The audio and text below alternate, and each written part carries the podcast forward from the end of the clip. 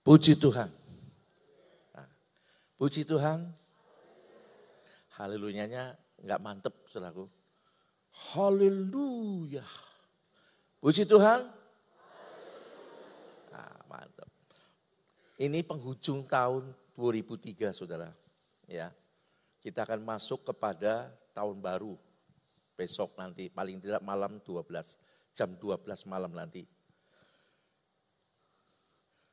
Di tahun mendatang saudaraku firman Tuhan katakan bahwa bukan semakin baik. Ini saya nggak nakut-nakuti, kadang kalau ini pendeta, kalau khotbah, saudaraku firman Tuhan gak ada yang nakut-nakutin. Tetapi memberitahu apa adanya. Ya. Dan ketika kita meninggalkan tahun ini, maju ke tahun yang baru, ada satu hal yang perlu saudara ingat. Pertama, umur kita berkurang setahun. Kedua, kedatangan Tuhan semakin dekat lagi. Ya. Nah saya kasih judul suraku yang Tuhan kasih untuk khotbah pagi ini, yaitu sepola pikir dengan kendak Tuhan. Bapak Ibu, sesungguhnya segala hal kesulitan apa pun yang akan kita hadapi, Tuhan sudah kasih kiatnya. Tuhan sudah lengkapi semuanya di firman Tuhan. Cuman yang menjadikan kita tidak menikmati itu semua, pola pikir kita yang berbeda dengan Tuhan. Yang membuat firman Tuhan berkat pertolongannya tidak menjadi kenyataan. Karena kita tidak sejalan dengan pikiran Tuhan. Ya, ini pola pikir Tuhan. Mari kita lihat ayatnya saudara. Di dalam Roma pasal 12 ayat 2 saya akan uh, memulai dari ayat ini sebagai ayat pokok kita. Firman Tuhan mengatakan demikian. Janganlah kamu menjadi serupa dengan dunia ini. Ini yang jadi masalah manusia ini. Puluhan tahun jadi Kristen masih kayak dunia ini. Nah Tuhan kasih ingat, jangan kamu menjadi serupa dengan dunia ini, tetapi berubahlah oleh pembaharuan budimu, sehingga kamu dapat membedakan manakah kehendak Allah, apa yang baik, yang berkenan, yang berkenan kepada Allah dan yang sempurna. Saya akan coba jelaskan kalimat per kalimat di sini, Saudaraku. Pertama adalah kata janganlah kamu menjadi serupa dengan dunia ini. Ini pesan akhir tahun untuk kita kerjakan di tahun baru, Saudaraku. Nah, kata janganlah kamu menjadi serupa dengan dunia ini, artinya, klik lagi, itu artinya menghentikan sesuatu tindakan yang tengah berlangsung. Ini sudah berlangsung, saudara harus segera hentikan, kalau enggak bahaya. Nah orang percaya didorong untuk tidak terus menjadi seperti sistem dunia yang berdosa ini. Yang sedang berlangsung. Nah, selama ini kita kan terhanyut. Selama ini kita terbawa. Tuhan katakan berhenti. Jangan ikuti lagi. Lalu kalimat selanjutnya, tetapi berubahlah oleh pembaharuan budimu. Artinya pembaharuan, eh, kata pembaharuan atau baru, ini berasal dari akar kata Yunani kainos, saudara. Artinya baru dalam kualitas, berubah ke arah Kristus, bukan baru dalam segi waktu, bukan. Ada beberapa pengalaman hamba Tuhan yang saya alami juga ketika saya berdoa pribadi, tutup mata, tiba-tiba Tuhan ngomong saudara. Bro, Tuhan kan kadang seperti sahabat ya. Sudah seperti apa engkau denganku sekarang? Apakah sudah mulai sama dengan aku? Saya nggak bisa jawab saudara. Saya cuma sedih dan seperti itu belum. Saya belum seperti Tuhan, belum apa-apa. Jauh Tuhan. Tolong saya. Dan saya dapat ayat ini. Aku akan terus membuat menopang kamu. Turuti saja. Ngikut saja. Saudara punya pertanyaan enggak? Semakin hari Tuhan ingin kita seperti Yesus. Sudah seberapa persisnya saudara dengan Tuhan? Kalau saya jujur, waduh masih jauh sekali. Dan itu membuat saya sedih, malu gitu ya. Tapi Tuhan memberikan dorongan, jangan menyerah. Ikuti terus. Dan ayat ini menjadi ayat saya di penghujung tahun ini. Saya bawakan firman ini. Nah kata budimu itu berbicara tentang pikiran. Lanjut saudara kalimat selanjutnya. Nah orang Yahudi juga didukung oleh firman Tuhan. Percaya saudara bahwa indera pendengar dan pelihat dalam diri manusia itu merupakan jendela jiwa atau pikirannya. Seseorang akan menjadi seperti apa, itu akan dipengaruhi dari apa yang ia pikirkan. Melalui apa yang ia lihat dan dengar. Nah ini benar saudara. Ada yang kita pikirkan, apa yang kita dengar, yang kita lihat masuk ke pikiran. Jadilah kita seperti itu. Nah kadang-kadang kita banyak kalahnya ini. Nah mengakhiri tahun ini, maju ke depan ini kita mesti harus ada pembaruan. Lalu kalimat selanjutnya saudara, sehingga kamu dapat membedakan manakah kehendak Allah.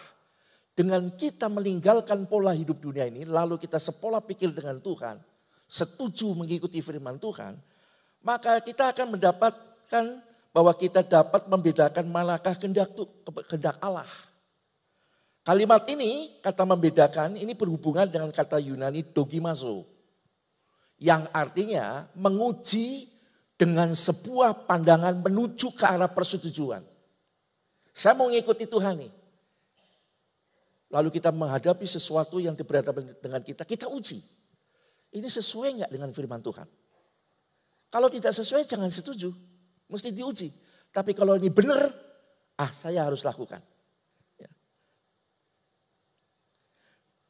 Nah saudara pola pikir yang berubah ini akan juga membawa kepada kita perubahan dalam hidup kita. Jadi kalau pola pikir kita sudah tidak seperti dulu lagi, tapi mengikuti pola pikir kehendak Tuhan, maka itu akan membawakan perubahan dalam hidup kita juga saudara.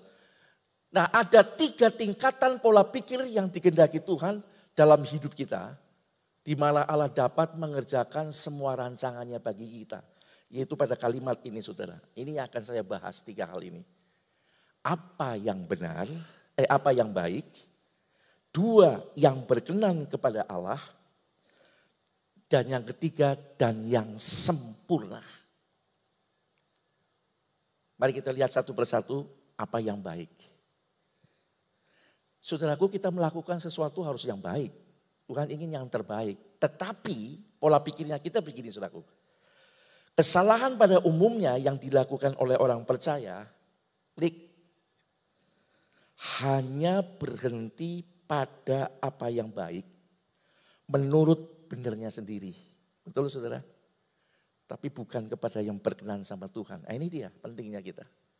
Saya mau tanya saudara, ibadah baik nggak? Baik. Tapi kalau ketika mau ibadah, dibangunin sama istri, Kebaktian. Wah, yang sore baik. Baktian ben bareng-bareng orang enak loh. Pagi dong sering takon. Ini lanangnya kawan. Jakung dewekan karen duwe lanang. Terus saudara bangun. Ya wis, ya wis, ya wis. Nyetili. Cucu saudaraku. Berangkat ibadah. Ibadahnya betul. Tapi kira-kira motivasinya benar nggak? Orang benar. Saudara datang, ibadah baik, saya berharap juga kedatangannya sesuai dengan perkenanan Tuhan. Memberi persembahan baik, saudara. Baik. Tapi akan memberi sesuatu yang berkenan sama Tuhan. Begitu buka dompet, jeng. Ana rong puluh ibu, karo rong ibu. Saudara bergumul, rong puluh, rong ibu, rong puluh, rong ibu, rong puluh, rong ibu, rong puluh, rong ibu. Ah, rong ibu. Kejauh segede yang belum. Persembahan baik, tapi kan belum tentu berkenan sama Tuhan. Ananias Safira mempersembahkan persembahan baik. Tetapi tidak berkenan kepada Tuhan. Karena hukum itu suraku. Ah, contohnya banyak sekali. Sesuatu yang baik. Itu kan menurut benernya kita. Tapi masih ada yang berkenan kepada Allah. Ada yang sempurna. Kita akan lihat satu-satu. Nah saudara, saya memberikan contoh kisah ini ya. Di dalam Lukas 5 ayat 1 sampai 6 tolong dibuka sebab saya tidak menulis catatan. Kisahnya ini tentang Simon Petrus. Ya. Pada suatu kali Yesus berdiri di pantai Danau Genesaret. Sedang orang banyak mengerumuni. Dia hendak mendengarkan firman Allah. Ia melihat dua perahu di tepi pantai. Nelayan-nelayannya telah turun dan sedang membasuh jalannya. Ia naik ke dalam sebuah dalam salah satu perahu itu yaitu perahu Simon dan menyuruh dia supaya menolakkan perahunya sedikit jauh dari pantai lalu ia duduk dan mengajar orang banyak dari atas perahu. Setelah selesai berbicara, ia berkata kepada Simon, "Bertolaklah ke tempat yang dalam dan tebarkanlah jalamu untuk menangkap ikan." Simon menjawab, "Guru, telah sepanjang malam kami bekerja keras dan kami tidak menangkap apa-apa. Tetapi karena engkau menyuruhnya, aku akan menebarkan jala juga. Dan setelah mereka melakukannya, mereka menangkap sejumlah besar ikan. Sehingga jala mereka mulai koyak. Kita masuk ke catatan lagi. Yesus di ayat 4 tadi saudara berfirman. Ngomong bertolaklah ke tempat yang dalam, tebarkanlah jalamu untuk menangkap ikan. Ini firman saudara.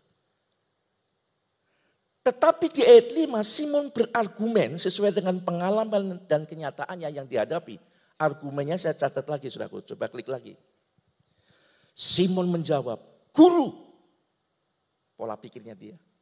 Telah sepanjang malam kami bekerja keras dan kami tidak menangkap apa-apa. Saudara, teorinya memang nelayan itu kalau berlayar malam saudaraku. Sebab kalau malam ikan tidak bisa lihat banyak. Jadi Simon seperti rada meremehkan Tuhan. Nggak tahu dia ini. Sepanjang malam loh. Teorinya itu kalau menangkap ikan itu malam. Jangankan ikan satu ekor, teri pun nggak dapat. Dikatakan di sini, kami nggak dapat apa-apa. Yang diomongkan Simon benar nggak saudaraku? Benar loh. Itu fakta. Dia nggak dapat apa-apa. Sesuai teori kalau mau jala ikan itu malam. Tapi hasilnya nihil. Kosong saudaraku. Gak dapat apa-apa. Benar. Argumennya benar. Gak salah. Tetapi yang tidak berkenannya adalah Simon seperti kurang mau mempercayai omongannya Yesus. Firmannya Tuhan. Tetapi untung tidak berhenti di situ. Simon seperti berkata, ah ya udahlah. Tetapi karena engkau menyuruhnya, aku akan menebarkan jala juga. Wis untung-untungan dituruni baik. Tapi saudara lihat, dalam catatan saya, Simon Petrus awalnya menanggapi perintah Yesus dengan pola pikirnya sendiri. Dan itu benar. Dia nggak bikin-bikin loh. Faktanya begitu. Dengan pola pikirnya sendiri dan menurut kebenaran dari pengalamannya sebagai seorang nelayan. Tetapi ketika ia menanggalkan semua pola pikirnya itu yang nyata, faktanya begitu, untuk menuruti kata-kata Tuhan. Yang dianggap Simon nggak ngerti dia soal nelayan. Tapi ya dia ngomong sih, guru, hasilnya mengejutkan saudara.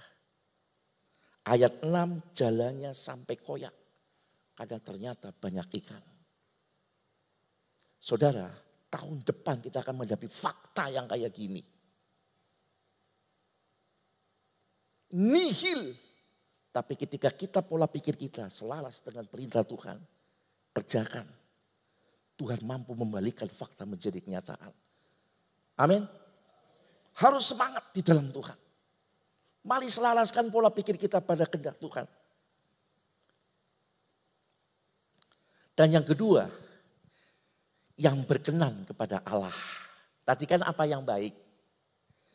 Jadi segala sesuatu memang kita harus mengerjakannya dengan baik. Saudara melayani, layani dengan baik. Jangan asal-asalan. Layani yang baik. Tapi jangan lupa bukan berhenti pada yang baik. Tapi kerjakan yang baik itu sesuai dengan yang berkenan kepada Allah. Ini nih saudaraku kuncinya saudaraku. Melakukan sudah baik, tapi yang berkenan ini yang penting. Ya. Harus penting. Nah, apa yang berkenan kepada Allah itu? Klik lagi. Jawabannya ada di situ, saya tulis. Dengar dengan seksama firmannya dan kerjakan sesuai firmannya. Lakukan yang baik tetapi selaraskan dengan apa yang firman Tuhan katakan kepada kita. Sudah baik berkenan. Saya kasih contoh saudaraku. Di dalam Lukas 10 ayat 38 42. Tolong dibuka. Ini sudah pernah dibahas saudaraku. Ketika Yesus dan murid-muridnya dalam perjalanan, tibalah ia di sebuah kampung seorang perempuan yang bernama Marta menerima dia di rumahnya.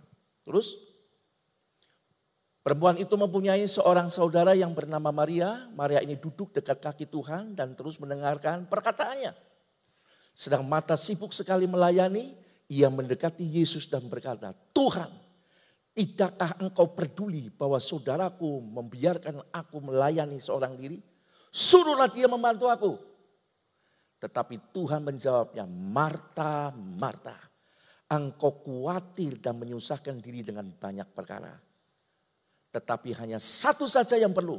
Maria telah memilih bagian yang terbaik yang tidak akan diambil daripadanya. Saudara dari kisah ini, kita lihat saudara.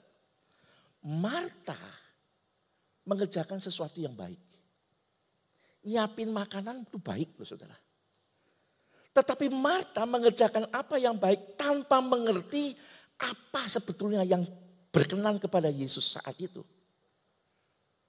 Hasilnya kata Tuhan, kamu cuma menyusahkan diri. Saudara, semua yang kita lakukan dengan baik, tapi tidak selaras dengan perkenanan Tuhan, hasilnya cuman kesel tok menyusahkan diri. Kita lanjut dulu. Maria menyadari, tetapi Maria ya, menyadari ada hal lain yang lebih diperkenan Tuhan.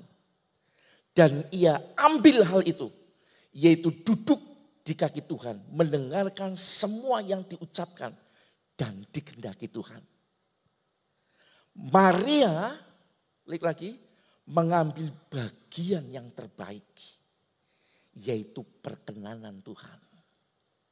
Saudara orang yang suka duduk di kaki Tuhan selagi hidupnya, kelak dia akan duduk bersama Tuhan Yesus dalam kerajaannya. Lalu pertanyaannya, memangnya Tuhan gak butuh makanan? Butuh. Bukan berarti pelayanan Maria tidak butuh. Tetapi ada sesuatu yang diperkenan Tuhan sebelum itu. Coba saudara buka Yohanes 4 ayat 32 ayat sampai 34. Nah, akan tetapi ia berkata kepada mereka, padaku ada makanan yang tidak kamu kenal. Ini yang Marta nggak ngerti. Dia hanya faktanya, jasmani, jasmani. Terus maka murid-murid itu berkata seorang kepada yang lain, adakah orang telah membawa sesuatu kepada kepadanya untuk dimakan? Jawabannya, Kata Yesus kepada mereka, makananku ialah melakukan kehendak dia yang mengutus aku dan menyelesaikan pekerjaannya. Maria ambil ini bagian yang terpenting. Marta nggak ngerti. Dengar firmannya, perkenanannya. Sebab ada makanan yang lebih penting yang harus Marta ketahui, bukan cuma jasmani. Betapa sering kita ribut bertengkar hanya karena perkara jasmani yang dikedepankan. Itulah sebabnya Tuhan berkata Maria mengambil bagian yang tidak akan diambil dari orang lain. Dia kelak akan duduk bersama dengan Tuhan dalam kerajaannya. Dan pelayanannya lebih berkualitas setelah dia mengerti apa yang diperkenan Tuhan. Saudaraku yang Tuhan kasih. Sebab di dalam Matius 4 ayat 4 dikatakan. Bisa dibuka. Matius 4 ayat 4. Tetapi Yesus menjawab, ada tertulis manusia hidup bukan dari roti saja. Tetapi dari setiap firman yang keluar dari mulut Allah. Bapak Ibu, segala sesuatu yang kita kerjakan dengan mengerti firman Tuhan, hasilnya bagus. Tapi orang yang melayani Tuhan tapi nggak memiliki pengertian firman Tuhan, ribut pasti. Dibilang gak rohani dia. Ya jelas gak rohani. Wong dia melakukan tanpa mengerti firman Tuhan, tanpa aturan firman yang benar. Lo aku pinter nyanyi kok. Tapi pinter nyanyinya harus seturut firman Tuhan, bukan semaunya dia. Saya harus pilih. Singernya harus yang hebat-hebat, kalau enggak lebih baik saya enggak. Ini kan ngawur seperti Marta. Aku wis kesel loh. Orang pada bantu. Paham saudara? Kenapa Musa ketika dipanggil Tuhan di tengah jalan mau dibunuh sama Tuhan? Itu pertanyaan masuk ke tanya jawab saya. Gara-gara sunat saudara. Saya menjawab, Tuhan tidak ingin orang melayani. Tetapi di sisi lain dia menolak perkenanan Tuhan. Disuruh nyunat anaknya Musa lupa, nggak nyunat saudaraku. Untung istrinya ingat, disunat. Lalu istri berkata, engkau sesungguhnya pengantin darah. Luput Musa. Tuhan tidak ingin seseorang melayani tanpa perkenanan Tuhan. Nggak ngerti firman. Orang bisa ribut, bisa jadi dengki, iri, hati. Ngadu sana sini. Dia nggak ngerti firman. Nggak berkenan sama Tuhan. Tapi kalau orang yang melayani ngerti aturan firman. Nggak akan begitu saudara. Nggak akan. Kenapa banyak orang Kristen tidak membalas kejahatan dan kejahatan? Karena dia ngerti firman. Orang dunia bilang konyol tuh perintah Yesus itu. Orang dijahati nggak boleh balas. Orang musuhi malah dikasihi. Tapi bagi orang yang ngerti firman itu bukan konyol. Itu sesuatu yang mulia. Paham maksud saya saudara. Nah ke depan di 2004 ini kita nggak mudah. Kita harus ngerti perkenanan Tuhan. Apa sih perkenanan Tuhan? Duduk dengar firmannya. Ngertilah dulu baru bertindak. Dan Tuhan katakan Maria mengambil bagian yang terpenting. Saudara kalau kita lihat Maria bilang, kamu kepo banget sih gitu aja. Pucat enggak, Maria diam. Tidak banyak komen. Tapi belakangan saudara pelayanannya berkualitas Maria. Dia memberi yang terbaik dan mulia. Minyak narawastu yang mahal harganya. Nah, main-main saudara. Orang yang memberi karena mengerti firman. Beda dengan orang yang memberi karena nggak ngerti firman. Onyong sugi, ngai semono cuil. Bang, lain saudaraku. Beda. Percaya saja. Orang yang memberi makanan nih. Karena dia mengerti firman Tuhan mengasihi. Itu yang dimakan jadi daging. Tapi kalau orang harus melas, kayak melas. Gak pakai dasar firman. Kasih. Beda. Jadi mari Bapak Ibu kita ubah pola pikir kita sejalan dengan kendaknya Tuhan. Ya. Untuk kita menapak di tahun yang baru. Saya masih ada satu contoh lagi saudaraku. Tapi nggak usah dibuka ya, tidak ada di dalam catatan. Di dalam satu Raja-Raja 17 ayat 10 sampai 16 itu ada eh, wanita Elia dengan wanita yang memiliki tepung. Wanita apa namanya? Saya lupa. Janda Sarfat. Situasinya lagi kelaparan saudara. Lalu datang Elia berkata, aku minta tolong dah. Kasih seteguk air. Dikasih saudara. Oh masih normal. Tetapi sebelum dia mau pergi, Elia berkata, eh, eh bu, bu, bu. Tolong beri aku juga roti ya. Saudara, mulai jalan ini pola pikirnya. Pak, saya cuma punya tepung segenggam, sedikit minyak dan air dalam kendi. Saya buat untuk makan saya dengan anak, itu pun gak cukup. Sudah itu saya mati. Tidak, bikin dulu buat saya. Si Jan ini berpikir ini pendeta, rakus amat sih. Galuk ini udingengi, malah nyelotok minta ini. Pola pikirnya bener loh. Oh, dewek lagi kelaparan kayak orang ngerti kayak pendeta orang pikirannya kayak pipit. Tetapi ketika Elia berkata, sebab firman Tuhan berkata, tepung dalam tempayan kamu tidak akan habis. Minyak dalam buli tidak habis. Sampai berlalunya masa kelaparan tiga dua tiga setengah tahun saya lupa itu. Ini saya tercetus di pikiran saya. Maka ketika si janda itu mendengar firman Tuhan, dia hapus semua pola pikirnya dia. Dia hapus semua kenyataan itu. Dia lebih turuti apa kata Tuhan. Saudara baca nanti di rumah, hasilnya tepung dibukin, ada lagi, ada lagi terus. Sampai masa panen itu selesai, tepungnya baru habis. Saudara jangan bilang ini cerita pak. Enggak. Segala tulisan yang ditulis dalam Alkitab itu ilham Allah. Dan itu menjadi kenyataan. Sekarang tinggal pola pikir kita aja. Mau tetap mengikuti pola pikir kita yang terbatas. Dan menuruti apa yang kita lihat. Atau kita menuruti apa yang kita dengar dari firman Tuhan. Lalu kita kerjakan. Tuhan akan kerjakan hal yang sama Bapak Ibu. 2004 boleh terjadi sebuah kesulitan apa pun. Tapi firman ini ya dan amin. Akan terjadi dalam kehidupan kita. Kalau kita mengikuti pola pikir firman Tuhan. Dan mengerjakan dengan tulus. Amin Bapak Ibu. Kita lanjut yang ketiga. Dan yang sempurna. Ini dia. Istilah ini berarti dewasa. Ya saudara diperlengkapi dengan lengkap untuk menunaikan tugas yang ditugaskan. Sempurna. Tadi yang baik, lalu yang berkenan. Sudah baik sesuai firman Tuhan. Kalau memberi, saudaraku yang Tuhan kasih jangan hati. Rompulu orang ibu, rompulu orang ibu. Tapi sesuai firman Tuhan apa saudaraku? Dengan kasih, dengan tulus, jangan terpaksa. Itu yang berkenan. Gitu? Jujur aja aduh sing puluh perlu tuku gula. Ya sing ewu, Tuhan ngerti. Eh ada satu kisah saudara. Ini sih benar apa saya dengar dari hamba Tuhan. Ada suatu kali ada ibu-ibu, saudara, uang ratusan ribu yang baru sama lima ribu kan mirip-mirip sepintas ya. Di satu sisinya warnanya. Karena lagi ibadah dia kolektor, waktu itu kolektornya masih kayak kita dulu di bawah kantong. Sekarang kan maju. Saudara kan bisa pilih-pilih dulu sebelum masuk ke amplop ya.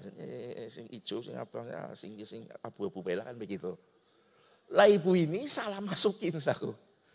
Harusnya lima ribunya, seratusnya. Sepanjang pengumuman mau gereja itu dia sedih sekali. Lalu dia pulang di pojokan depan itu, kata di depan gereja, dia sedih. Lalu pendetanya seperti kita nyalami, bu kenapa sedih? Iya pak, aku sedih nih. Jujur aja sedih kenapa? Tadi saya kolektor, betul. Kolektor gimana? Malu Pak Pendeta. Yang kecemplung satu sewu. Dong ini lima ngewu. Lalu terus kepipit. Anu bisa diambil lagi? Ya bisa. Boleh ya ditukar cialat. bisa jadi begitu saudara. Tapi kan di, di lain nggak ada ya. Ini cerita dari seorang Tuhan benar apa tidak itu pengalamannya dia. Ya, jangan suraku satu lima ribu, satu lima ribu. Sesuai yang diperkenan Tuhan apa? Dengan kasih. Dengan ikhlas, bukan dengan terpaksa. Alkitab ngomong begitu. Lakukan, itu berkenan. Tapi jangan ada tipu-tipu yang tidak ikhlas. Ya, pulang-pulang ngomel-ngomel, aduh nyemplungannya salah, satu tiap ketemu ngomong lagi satu maning, satu, satu. Saudara sudah tidak berkenan. Setelah yang berkenan baru yang sempurna. Kata sempurna itu kita menjadi dewasa. Di dalam melayani, di dalam memberikan persembahan. Dengan pikiran yang dewasa. Jadi dewasa itu selaku bukan usia. Bukan karena usia. Tapi ternyata firman Tuhan karena orang yang dewasa adalah orang yang melakukan firman Tuhan dengan benar, itu dewasa rohani.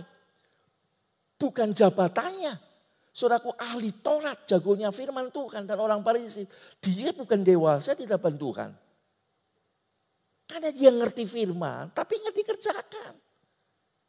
Jadi kedewasaan sekali lagi bukan karena usia, apalagi jabatan, pendeta, tadi belum tentu. Tapi sempurna itu.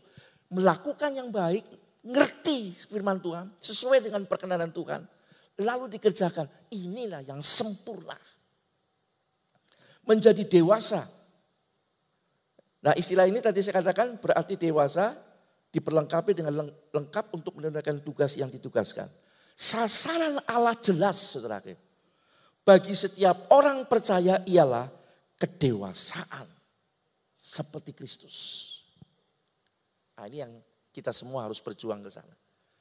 Jadi ketika saya berdoa pribadi sedang berkeluh lihat tiba-tiba Roh Kudus bilang, bro, saya melek, undang bro, sampai serupa apa kamu dengan aku? Saya sedih banget saudara. Belum Tuhan. Ya Tuhan kadang-kadang seperti sahabat ya panggil ya. Memang kan kalau jajal Tuhan itu yang sulung, kakak sulung kita. Sebagai patronnya dia. Itu hari saya berduka sedih belum Tuhan. Tapi roh kudus di dalam. Aku akan dorong kamu terus. Kerjakan terus seperti firman. Dan kedewasannya itu selaku, coba di dalam Matius 5 ayat 48. Dikatakan demikian. Karena itu haruslah kamu sempurna. Sama seperti Bapamu di dalam surga. Di surga adalah sempurna. Saudara tahu Yesus dan Bapa satu? Tuhan kutuk karena itulah kamu harus sempurna. Seperti Bapamu di surga adalah sempurna. Bisa. Ada orang tanya, Pak apakah mungkin kita yang banyak kekurangan bisa jadi sempurna seperti Yesus? memungkinkan kalau tadi kita lakukan itu selaku apa yang baik yang berkenan kepada Allah dan yang sempurna. Tetapi sebelum itu ubah pola pikir kita jangan seperti dunia. Sebab kalau apa-apa seperti dunia wah berat saudara. Berat. Saya bisa ngeranapi seperti itu. Kalau pakai pikiran kita, pikiran daging kita, wow wis dipenuhi ketidaksetujuan, dipenuhi keiri hatian, dipenuhi gagah-gagahan. Wah tambah nggak tambah kedagingan aku nggak kerohanian. Saya harus yang lebih ini, lebih ini, lebih baik, lebih baik. Benar lebih baik. Tapi harus yang berkenan. Sebab banyak orang yang melakukan baik seperti Marta tadi. Tuhan bilang kamu cuma menyusahkan dirimu sendiri baik sih, tapi tidak berkenan di hadapan Tuhan. Tetapi Maria mengambil bagian yang paling penting itu. Yaitu perkenanan Tuhan. Ya. Puji Tuhan. Yesus sendiri berkata suraku dalam firmannya, dalam pelayanannya, apa yang aku katakan, termasuk yang dia buat, bukan dari diriku sendiri, tetapi aku mendapatkan dari Bapa. Demikian juga saudaraku apa yang kita katakan kita kerjakan melayani. Bahkan memberi, berkorban. Itu karena kita juga mencontoh dari apa yang Yesus katakan buat kita. Maka itu akan menjadi sempurna di pada Tuhan. Nah kadang-kadang kita nggak sempurna. Ya, kadang-kadang tidak sempurna. Saya juga kadang-kadang kalau berdiri di sini, saya ingat terus kata gembala. Bebannya berat saudara. Ya seperti tadi pengalaman saya. Seberapa, seberapa banyak kamu sudah seperti aku. Nah ini, kamu ngomong ini itu ini itu sudah siap ke situ tidak. Ini memang bebannya berat, harus berjuang ke sana. Tetapi yang saya sampaikan pada hari ini saudaraku, apa yang sudah berlalu di tahun 2003 ini, saudara harus buang dan perbaharui pola pikir kita. Ke depan betul akan menghadapi banyak peperangan. Fakta-fakta Ya mustahil buat kita. Tetapi ketika kita berpegang kepada apa kata firman Tuhan, bukan apa kata dunia ini. Maka Tuhan mampu membalik sesuatu fakta yang mustahil menjadi kenyataan. Dan kemenangan buat kita. Puji Tuhan. Nah pola pikir di sini saudaraku kita lihat yang terakhir. Pola pikir Simon Petrus dan murid-murid lainnya yang telah diubahkan sekarang. Mari kita buka dalam Yohanes 21 ayat 1 sampai 6 secepatnya aja. Masih ada waktu. Ini pengalaman yang kedua dari Simon Petrus. Pengalaman pertama tadi kan dia berargumen. Tapi setelah pola pikirnya dirubah, lihat saudara ya. Kemudian Yesus menampakkan diri lagi kepada murid-muridnya di pantai Danau Tiberias. Dan ia menampakkan diri sebagai berikut. Di pantai itu berkumpul Simon Petrus, Thomas yang disebut Didimus, Nathanael dari Kana yang di Galilea, anak-anak Zebedius, dan dua orang murid yang lain. Kata Simon Petrus kepada mereka, aku pergi menangkap ikan. Kata mereka kepadanya, kami pergi juga dengan engkau. Mereka berangkat lalu naik ke perahu tetapi malam itu mereka tidak menangkap apa-apa. Pengalaman yang kedua nih. Lanjut. Ketika hari mulai siang, Yesus berdiri di pantai. Akan tetapi murid-murid itu tidak tahu bahwa itu adalah Yesus. Terus kata Yesus kepada mereka, "Hai anak-anak." Lihat, kadang Tuhan panggil kita anak-anak. Makanya ketika lagi di pengalaman pribadi, bro saya kaget, ih dipanggil bro. kan Tuhan bilang katakanlah kita sahabat ya. Kata Yesus kepada mereka, hai anak-anak, adakah kamu mempunyai lauk pauk? Jawab mereka, dada. Yang ngerti itu Yesus. Maka kata Yesus kepada mereka, tebarkanlah jalamu di sebelah kanan perahu. Maka kamu akan peroleh. Lalu mereka menebarkannya dan mereka tidak dapat menariknya karena banyaknya ikan. Bedanya di mana saudara? Pertama, Petrus masih berargumen. Tuhan nggak ngerti, aku pengalaman. Faktanya nggak dapet loh. Tapi ya wis lah, kayak terpaksa ya. Tuhan ngomong, Ternyata dapat. Pada pengalaman kedua, nggak berani ngomong macam-macam. Beda ya. Begitu bilang tebarkan, nggak ada argumen. Langsung mereka tebarkan. Hasilnya sama. Tidak ada lagi argumen menurut baik dan benarnya mereka. Yang diwakili Petrus waktu itu. Hasilnya luar biasa. Dan bedanya hasil tangkapan ikan besar di jalannya nggak koyak. Pengalaman pertama, ikannya lolos, koyak. Tetapi di pengalaman kedua enggak saudara. Yang ajaib lagi, itu jalan ditebar. Itu ikan pada loncat masuk ke jalan, bukannya lari. Dan jalannya enggak koyak. Kalau kita masih campur dengan argumen kita, daging kita, otot-ototan dengan firman Tuhan. Ah, pinternya pendeta. Pinternya Om Yos, Gideon lain-lain itu. Saudara diberkati jalannya koyak saudara. Bocor berkat saudara. Tetapi ketika firman Tuhan yang kedua pengalaman nih Petrus. Dengar itu firman, nggak banyak kecap. Langsung kerjakan. Hasilnya beda. Ikan besar-besar masuk jalannya tidak koyak. Karena Petrus dan murid-murid mulai sepola, sepikiran dengan perkataan Tuhan. Apa pun yang dikatakan Tuhan dikerjakan. Dalam pernikahan di Kana, ketika kekurangan anggur, Yohanes pasal 2. Ibu Maria ngomong sama Tuhan, ini ini Tuhan bilang belum waktunya. Ibu, tapi Maria pergi ke belakang. Dia ngomong sama pelayan-pelayan, saudaraku. Saudara bisa buka tuh Yohanes 2. Nanti kalau dia datang, apa pun yang dikatakan sama kamu, kerjakan itu. Dosa banyak argumen. Dan pelayan-pelayan nurut. Gak lama Yesus datang, ambil tempayan, isi air, cetuk air, bawa ke sana, ini itu terjadi mujizat. Saudara yang membuat firman Tuhan tidak maksimal bekerja dalam hidup kita. Jangan jadi berkatnya karena pola pikir kita yang bertentangan dengan Tuhan masih melawan, masih merasa dirinya paling benar, masih paling, masih paling, paling, paling, paling. Ini hanya murid-murid.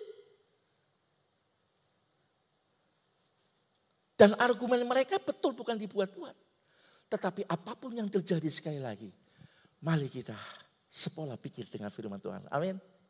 Maka semua yang akan dibuat Tuhan kepada murid-murid, kepada janda di Sarfat, itu akan menjadi kenyataan kita di tahun 2004. Dan firman ini bukan dongeng saudara. Firman ini bukan sejarah saudara. Tapi ini ditulis menjadi pengajaran buat kita dan menjadi kenyataan bagi setiap umat Tuhan. Yang pola pikirnya sepikiran dengan Tuhan. Lalu mengerjakan sesuai dengan firman Tuhan. Maka hasilnya kita akan tetap survive di tengah dunia yang tidak menentu.